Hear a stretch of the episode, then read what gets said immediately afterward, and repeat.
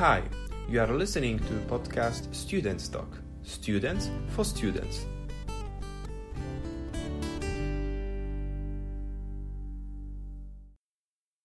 Hi guys, uh, today with me is Hanna. Uh, we'll be talking about Hanna's life as a Harvard University student, plus we'll be covering some stuff uh, apart from uh, studies, and the, at the end of the podcast, we'll be talking about Hanna's gender identity. So, guys, we just wish you a pleasant time of listening to us. Hanna, uh, hi, it's nice nice to see you. It's a pleasure to have an opportunity to talk with you. Uh, how are you? It's my first question to you. I'm good. Thank you for asking. You know, I uh, it's a Saturday morning when we're recording this, so I just woke up, but I uh, I got my matcha latte in. I'm ready to go. So yeah, I'm excited. In my case, it's uh, 3 p.m. In your case, it's 9 9 a.m. Right? Yes, okay. almost 9 a.m. Yeah, it's you are in the USA. We are in uh, in Poland, but it's not a problem at all. We can record the podcast with anyone in, uh, in the world. um, Hanna, so you are a student at Harvard University. So it is said that one of the best uh, universities in the world. Uh, can you introduce yourself uh, a little bit more? Absolutely, yeah. So uh, my name is Hanna Pak. I am a sophomore at Harvard. Um, I live in Mather House. Uh, I'm concentrating in computer science. I don't really have a secondary yet, but I'm considering a language citation in Korean. And uh, what else? Some of the things that I like to do. Um, I'm a triathlete. I play the trumpet in the Harvard Radcliffe Orchestra. Um, you know, I game sometimes on the side. Really enjoy cooking and baking and uh, having a good time. So, so, yeah, definitely we'll be covering uh, things, uh, for example, about your uh, stuff outside, uh, um, apart from maybe um, you know Harvard yes. Harvard style. But let's start with Harvard. I, I, think that you know it's one of the best topics now. Uh, so, what does it look like your life as a Harvard University student? It's busy. it's so busy. I'm not gonna lie. It's um I mean, you can definitely get involved in as much as you want here. So some of my peers are not necessarily as spread thin, but it's a it's a pretty busy existence, though it's entirely worth it. Um, I mean, if you, I, I, can talk about like my daily routine if you would like to, or just kind of a okay, yeah. So, um, let's see, how do I start? I wake up every day at seven thirty. I, uh, you know, I drink some water. I get ready for the day. I usually make myself a matcha latte because uh, it's a good way to get some caffeine without it being too jittery like coffee. Um, and then three days out of the week, I have a 9 a.m. class, which is kind of tough. Um, it's my math class, and so you know I'll usually just go to my classes, um, which are all concentrated in the morning. Um, I'll try to do some work between those classes because I'm really trying to get in as much work as I can um, before it gets too late in the day and you know i'll have my workout in the afternoon my training for triathlon and then it's just work pretty much the rest of the day if it's a weekday um, though i do shut off work at like 9:30 p.m. because i know if i work too late i'm just going to get like really caught up in it and i'm not going to be able to sleep and so um, i try to keep pretty good sleep hygiene. And then uh, on the weekends, you know, I'll probably stop work a little bit earlier, um, then either go out with my friends or like watch a movie or do something to kind of unwind. Okay, so maybe let's stop for a minute at uh, Harvard.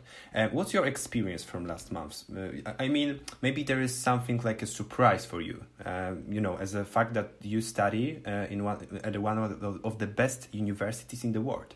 Mm-hmm. Um, I mean, I I hate to say it, it's harder than I expected.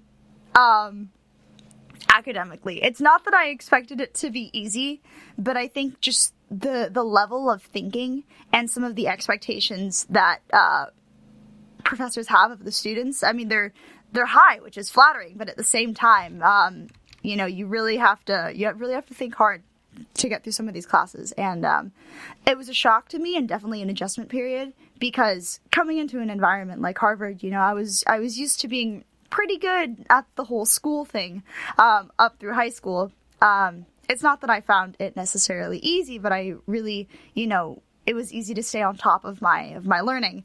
Um, but then getting here and having everything be such an amazing challenge, it's been an adjustment period to kind of figure out um, what I really want to pour my time into and where my priorities are. And now that I think I have a better grasp on that, um, I really do enjoy the learning process. Okay, uh, so uh, here um, I have one question. Do you think that mm-hmm. um, maybe finishing Harvard University is such a label that you will not have any troubles with finding job, with finding you know? oh gosh. yeah, it, it, it's my it's my question. Uh, do you think that is there some stereotypes about that? Do you think it's true? I mean, maybe not stereotypes, but just a fact. yeah, I would I would be lying if I said that the name was not going to help a little bit. I don't think it's necessarily the end all be all. I'm not just gonna, you know, get a job at Google just because I went to Harvard. But I do think that um, the experiences I'll gain here and a lot of the people I'll meet will probably help open a lot of doors that uh, were otherwise closed to me. So let's put it like that. okay, okay, okay. Mm, so maybe Hanna, something apart from studies. Mm, because mm. you are a musician, as you mentioned, a trumpet player in. Uh, yes. Okay, I have to say, and um, may, maybe it is mistake in the oldest orchestra in the world, right? Uh, oldest orchestra in America. In America, okay, okay, yes. in, in, in America. Plus, uh, you trained for world championship in the triathlon. Yes, that is true. so how, how, are you able to link it? You have mentioned your um, daily routine, but um, I, maybe I would say mentally, how you are able to link such fields. On the one on the one uh, hand, we have uh, studies. On the other, we have, for example, uh, you know, musician stuff, and then sport. how are you mm. able to link it? I mean, one of the things that um, allows me to do all of them is simply that I I don't like pigeonholing myself and I have a lot of really diverse interests. And so it may not necessarily be finding like links between those things, but it's the fact that I can switch gears and kind of take a break from one by doing the other. That's actually really helpful in maintaining um, the structure I need to do all three, right? Because you know, sometimes I'll be working on a really hard problem set, or I will have just taken a touch that didn't go so well. And then I hit the gym or I go for a run and that kind of helps me process all of that. And then I come back and I'm like, okay, I got my work done, I got my run done, and now maybe it's time to switch gears and practice some trumpet. And so, um, I mean, there are definitely ways of, you know, either taking classes that are linking music and some engineering stuff or, you know, the academic side about learning about like running mechanics and the way the body works. Um, but I think really the advantage to doing all three is that they are so different and really allow me to not exhaust any one uh, part of my life too much. Okay, you know, I have never realized that it's possible to have a one person who is, um, let's say, a trumpet player and mm-hmm. engineering. Like, in a, if it comes to engineering, if it comes to computer science, Wow, mm-hmm. so you know, so diverse hobbies. When when everything started, do you remember something like, okay, I started Harvard University, and now I'm going to be a trumpet player, or um, I, am going to prepare for a world championship in the triathlon. Wh- when it was?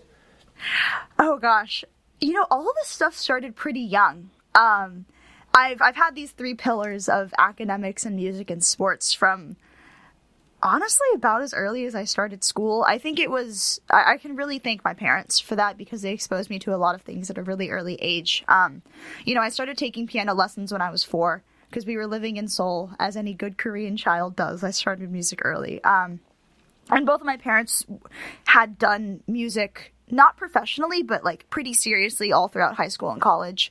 Um, and so I kind of grew up around music.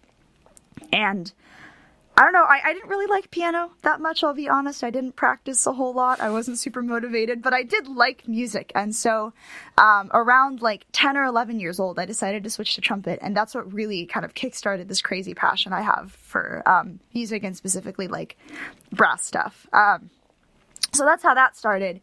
In terms of triathlon, again, both my parents are triathletes, and so I did grow up around the sport. Um, and I did my first triathlon when I was pretty young, at like six years old. I mean, it was a it was a really tiny kids triathlon, um, and I decided that you know I didn't hate the sport. I did hate the running, but um, I did cross country in middle school and high school, so I kind of I learned to love the running, and then I picked up triathlon seriously again after I graduated high school um, during a gap year that I took between high school and college, and that was when I really that was when I realized that I could have a shot at uh, getting pretty fast. And so that's uh, that's the journey to worlds for me. Um, and then finally for the academic side, it's kind of a silly start, but I had this series that I read when I was little called Franny. Stein. Um, so shout out to the author of those books because they were about this little girl mad scientist who was like building robots in her backyard and going all these wacky mad science adventures. And I was like, I want to be like that. I want to, you know, invent things and have a little bit of chaos in my life. And uh, that's that's why I'm in computer science. So, do you think that what was the biggest impact on your life, uh, on, your uh, life, life path, I would say, and career path? Uh, your parents, or maybe a gap gap year?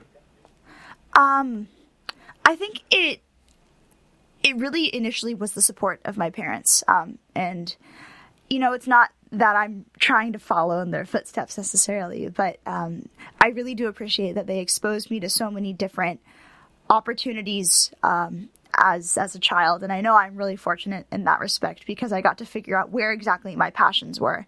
Um, and i definitely do think that my gap year kind of helped solidify a lot of those because i had so much freedom in deciding what i was going to do with that year. And so um, the stuff that i chose you know i realized that I, I really did enjoy it and what do you think about that gap year? Do you think that students should take a gap year or should go to for, for, for at a university immediately after high school? Hmm.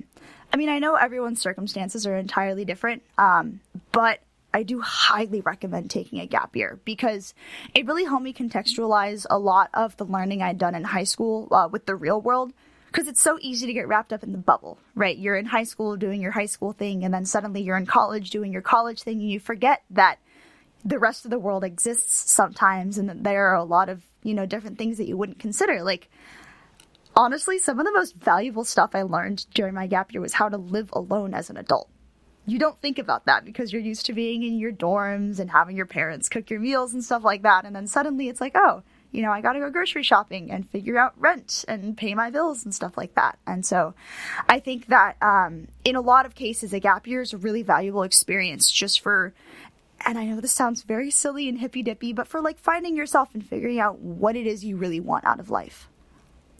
Yeah, Hanna, but uh, here I have an assumption that maybe mm-hmm. a gap year could be um, something, could be an incentive which will make me maybe more harder to start studies later. Do you think that, th- that there is uh, something like that or not? Mm. I I definitely had to readjust to academic life after my gap year. You know, I hadn't done homework for a year and change, and so kind of getting back into that rhythm um, was definitely a little bit tough. I don't think it's impossible by any means, especially if you stay busy during your gap year, because then you're you're still in the motion of you know getting things done and being productive. Um, I think more than anything, it's just a it's a mental switch and it's a mental hurdle that you're going to have to get over. But I think it, it is entirely worth it, in my opinion. Okay, okay. Uh, I would like to switch for to another topic uh, because yes. uh, before before the podcast you have mentioned that you have been living uh, in a dorm uh, 6 mm-hmm. years, right? I think that's about right. Yeah, I, I went to boarding school for high school, so that's four years, and then it'll be coming up on six at the end of my sophomore year. Yeah. So my question is, um, maybe what's your even not maybe relationships with other people, but how you are mm-hmm. able to live with others all the time, uh, six years, and probably you do not have time for yourself, maybe as you wish. Hmm.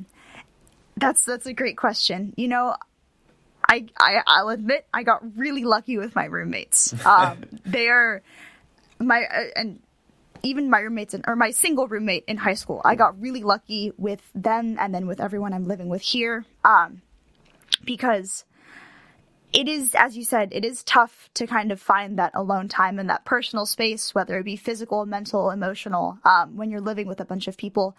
I think communication is key. I mean, the first part is finding people with whom you can communicate and who are, you know, are good listeners and open to that kind of communication. But then, you know, just being really clear about setting boundaries like, hey, I go to sleep at this time. Could you be quiet? Or, um, you know, saying like, hey, I need some space right now. Or, hey, maybe I need someone to talk to. Like being really open and really honest with your roommates um, and having those good lines of communication, I think helps people preserve the time that they value for themselves as well as give what they need to their roommates so that everyone can live productively. Mm, and do you live last two years? Uh, do you live with uh, Harvard stu- students or not? Yes, Harvard students. Uh, do you see something like, oh, we are big brains, we are the best people in the world, and you know, something like that? Not at all. Some of my roommates are so dumb, and I love them. no. I can guarantee you, not everyone at Harvard is a crazy brainiac. I mean, like, everyone here, you know, is smart and incredible in their own ways, but you get some people saying some funny so, stuff. Hanna, tell, tell us some that. stories. Tell us some stories about it. Oh gosh, I mean, I Whatever. don't want to out. I don't want to out anyone. Um, but I, I have one roommate who is so smart, like finishing their master's degree at the end of their sophomore year, kind of smart, like insanely talented. And then they'll just say the weirdest stuff sometimes. They're like, I asked them what the capital of Texas was, and they thought it was Memphis which is in Tennessee, which like that's it's, it's kind of common knowledge for American students that capital of Texas is Austin. Anyway, it's stuff like that, but it really shows you that you know the experiences of everyone are incredibly diverse, and like it's not, it's definitely not this super inflated ego. You know, we're the best. We go to Harvard, rah rah type thing. You'll meet some people like that eventually, but um, I don't know. I feel like my roommates are pretty pretty down to earth. Uh, okay, your roommates, your students, your let's say colleague students. What with professors? Hmm. Do, do like what about professors? Do, do, you do you feel uh, maybe? Um, I, I don't I don't know you ha- you haven't experienced uh, other universities, but do you feel a relationship with relationship with your professors? With some of them, absolutely. Um, I mean, a lot of the classes are really large, so it's kind of hard to uh, form those relationships with your professors. Like I remember, I was in a class last semester that I think had almost 800 people. So there's not really a way that I would. 800 people. It's it's one of the really big courses that a lot of people have to take as a requirement. Um, Stat 110. Shout out to that course for causing me pain.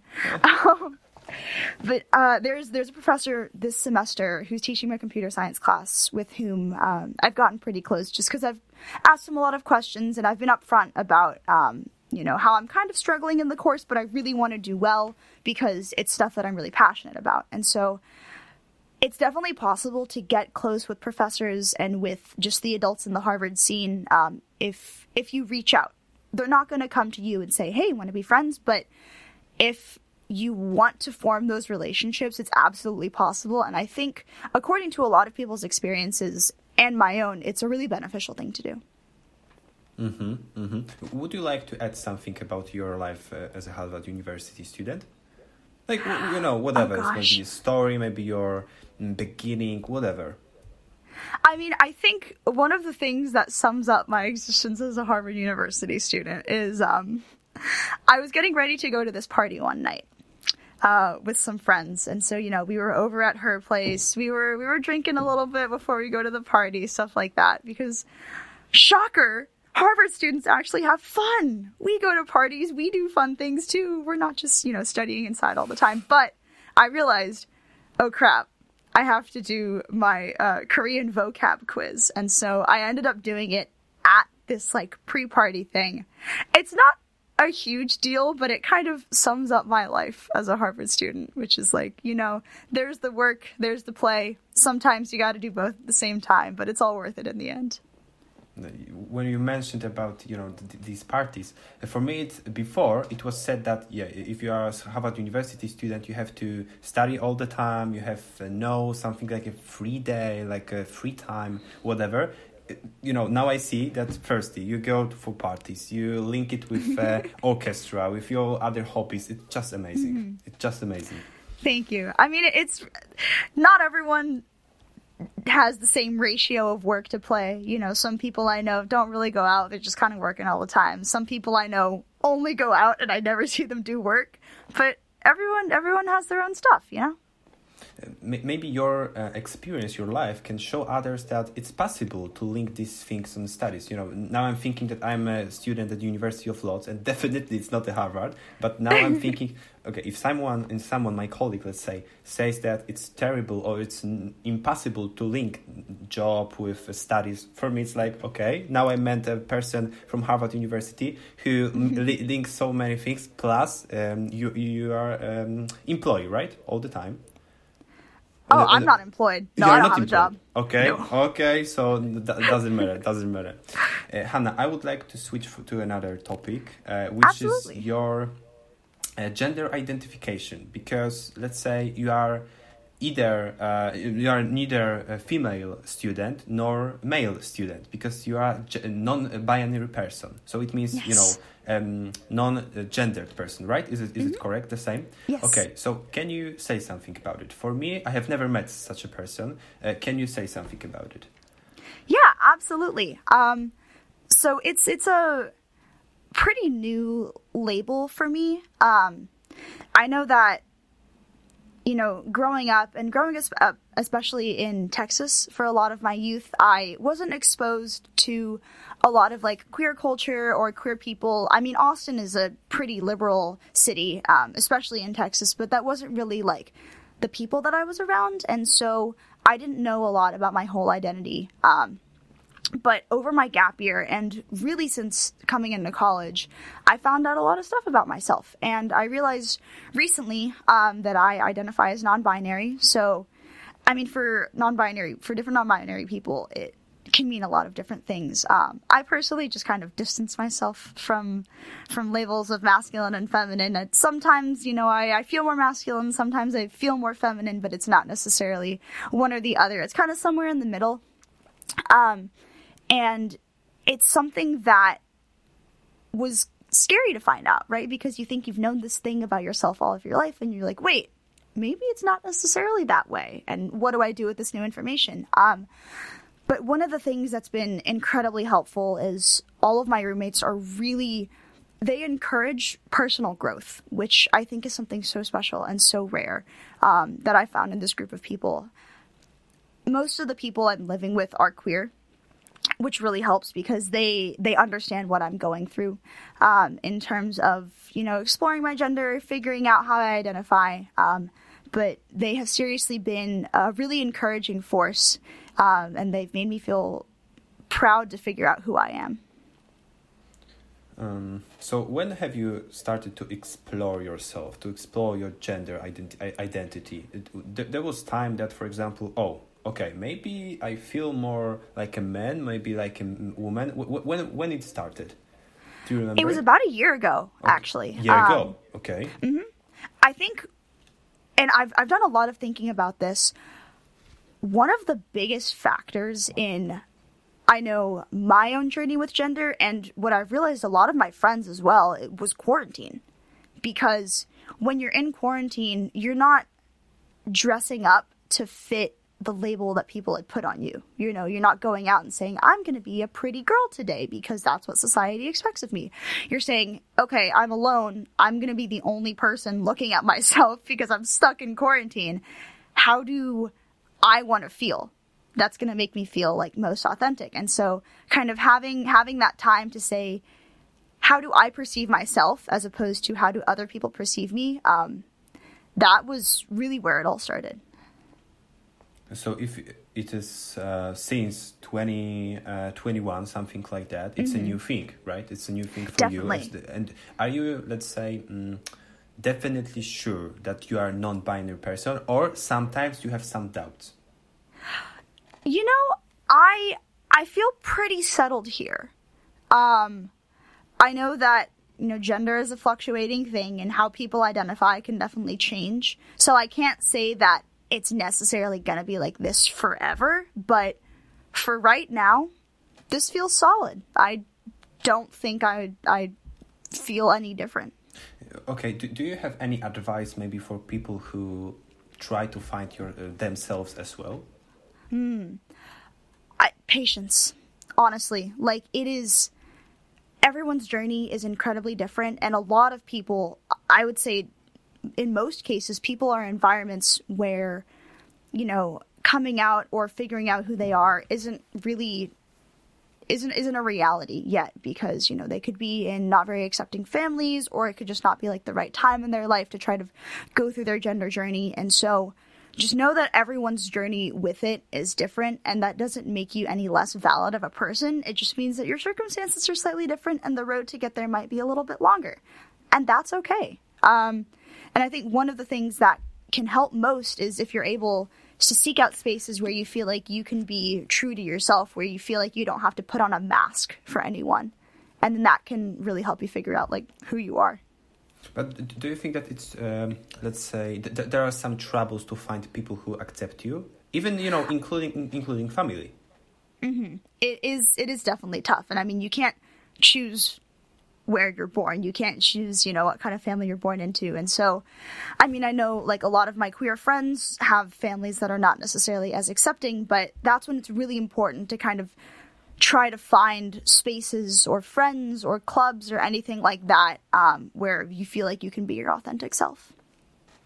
So, what does it look like? I, I mean, uh, your relationships uh, at Harvard. So, you know, mm-hmm. you, you, are a st- student of Harvard University and mm-hmm. you are a non binary person. So, how you are mm-hmm. able to link it, uh, let's say, even in the building, at the building? Mm-hmm. Um, I mean, not everyone around me knows that I'm non binary because, I mean, you usually people see, see me and they most of the time assume that I'm a girl. And I'm fine. I'm honestly fine with that. Um, I don't have the mental energy to go around correcting absolutely every single person that I meet, but the people I choose to be my friends respect that for me. They, you know, use the right pronouns and they respect my non-binary identity and they are my friends because of that because you know they accept me for who I am and I don't have to be anyone else around them. So as long as my friends are cool with it, then I don't really care how other people see me.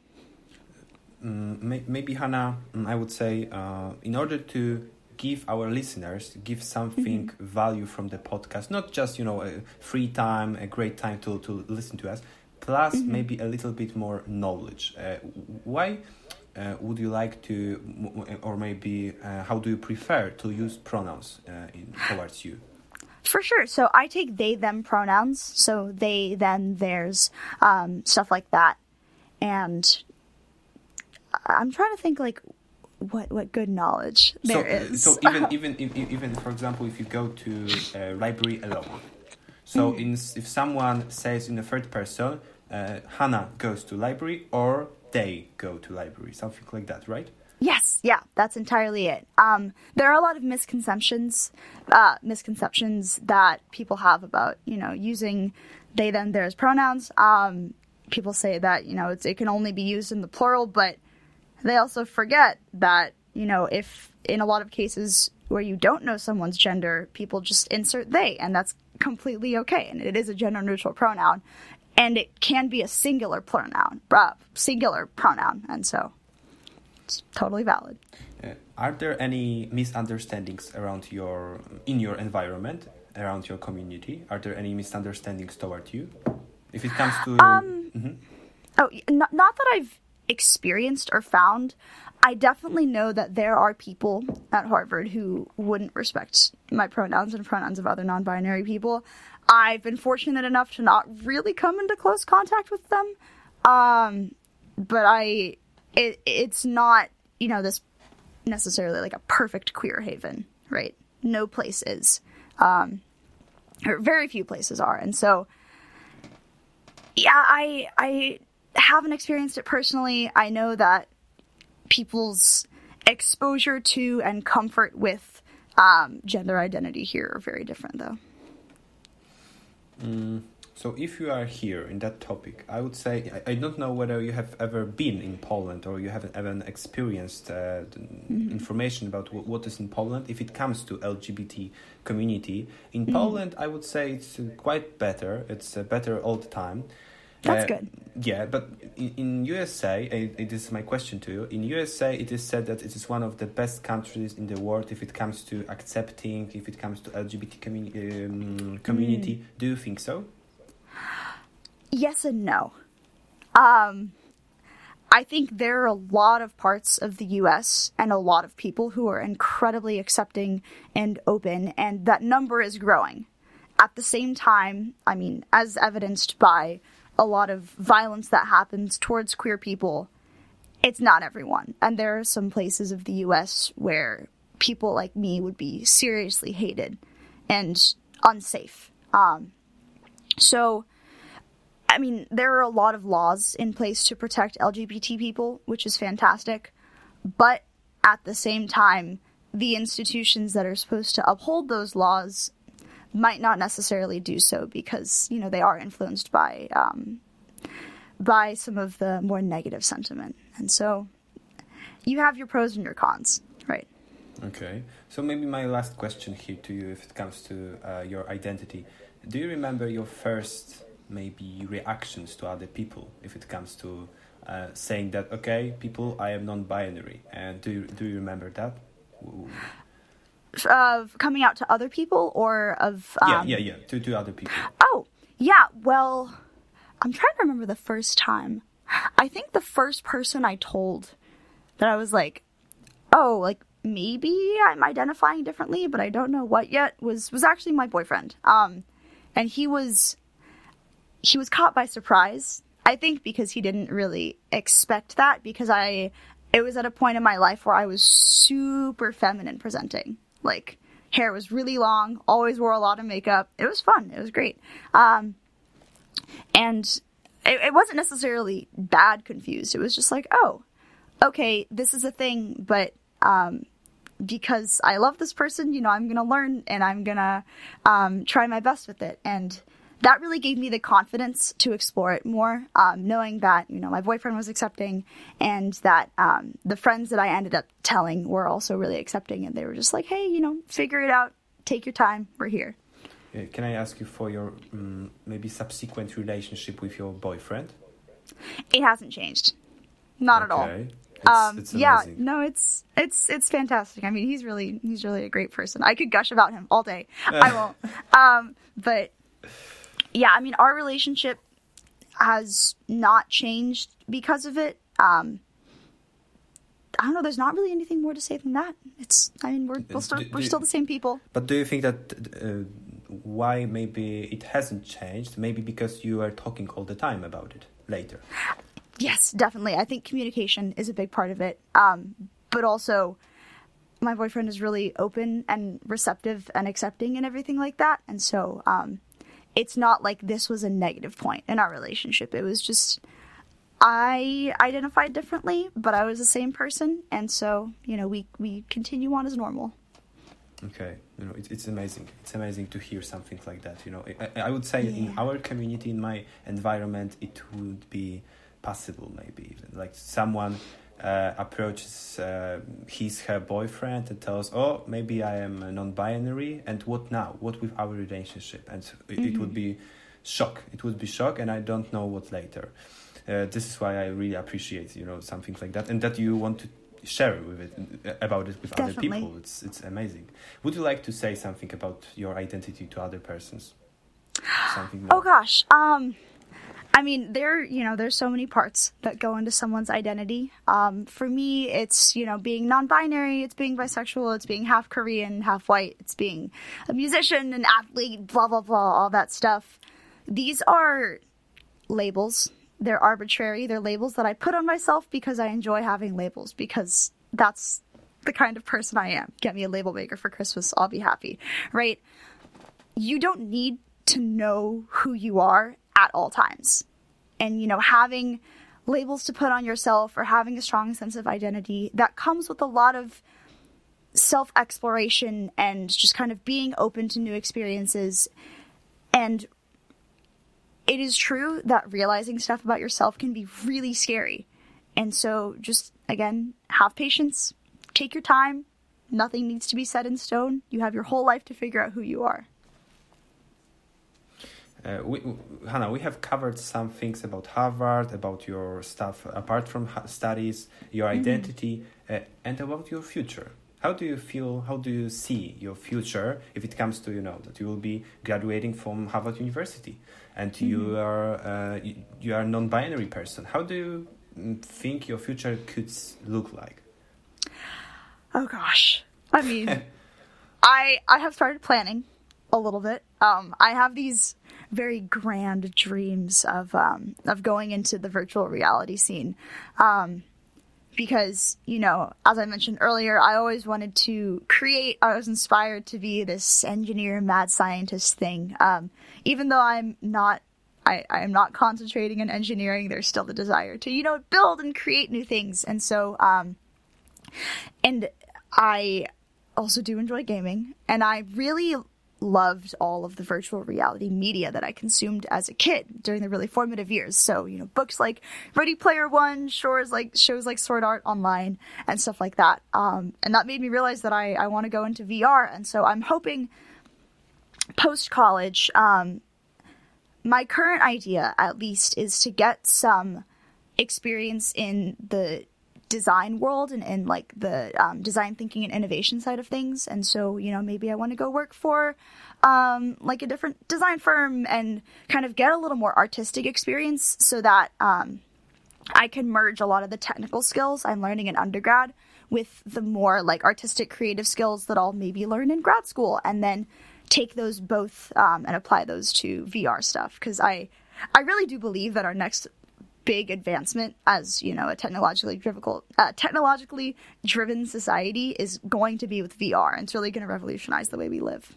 So, if you are cl- so close to VR, what do you think about metaverse and uh, its uh, vision of the future? Oh gosh, I'm wrestling with it because I mean, for one, I have my own personal opinions on Mark Zuckerberg that I'm not going to go into just right now. Um, have you met him? And number two, uh, I have not but he went to my high school and he dropped out of my college. And so um, I know a lot of people who know him. the professors all say he was kind of not a great kid, but uh, you know, I won't go into that. That's, okay, okay. You, you can, you can cut it. that part, right? um, ah, I don't know. The thing is, I think the the vision for metaverse is quite capitalistically driven, and I'm trying to reconcile right now for myself the fact that, you know, innovation requires money. And in the society we're in, money is gained through certain means. And so, I mean, in a in a Hanna created utopia, right? We wouldn't be bound by, you know, trying to we wouldn't be bound by late stage capitalism and trying to um, create new things. So, I don't know that's that's a long answer to say I'm not quite sure about meta. I have my own ideals and my own vision of a of a metaverse utopia and those sometimes align with what Mark Zuckerberg has in mind and sometimes don't. So probably you don't have to be um, let's say employed in a in, in Yeah, I don't know if I'm going to go work for Facebook, but I respect the work that they're doing. Okay. Sometimes. Yeah. okay. Hanna, it's probably we are going to slowly to the end. Uh, thank mm-hmm. you, thank you very much for uh, you know for having taking an opportunity to talk with you. To you know, I, I, I, I, have never met a student from Harvard. Plus, you know, we are non-binary. For me, it's just amazing opportunity uh, to learn about it. Would you thank like to you. add something? Oh my goodness! I feel like we've talked the, about a the, lot the of things. The toughest question. The toughest question. oh, I should have thought. I should have thought, thought of other stuff. Um. I don't know. I feel like I kind of I laid it all out there. Um, we've got the academics, we've got the music, we've got the the athletics, um, we've got the social stuff. My lovely roommates. Yeah, that's we covered that's pretty much yeah everything about you. yeah, that's a lot of parts you know, I, of my I life. Really, I really appreciate that you opened up uh, yourself about, for example, about your identity. I hope it will be quite a hint uh, or maybe it will make people, uh, our listeners, uh, easier to open up uh, as well, something like that. It's just amazing, and I really appreciate you. Yeah, and thank you so much for you know being willing to open your space to um, queer voices. That is really important, and it warms my heart. So thank you for that. Great, great, Hanna. Thank you very much again, and thank you. See you. See you next time. Appreciate it so much, Mateus. Thanks for having me.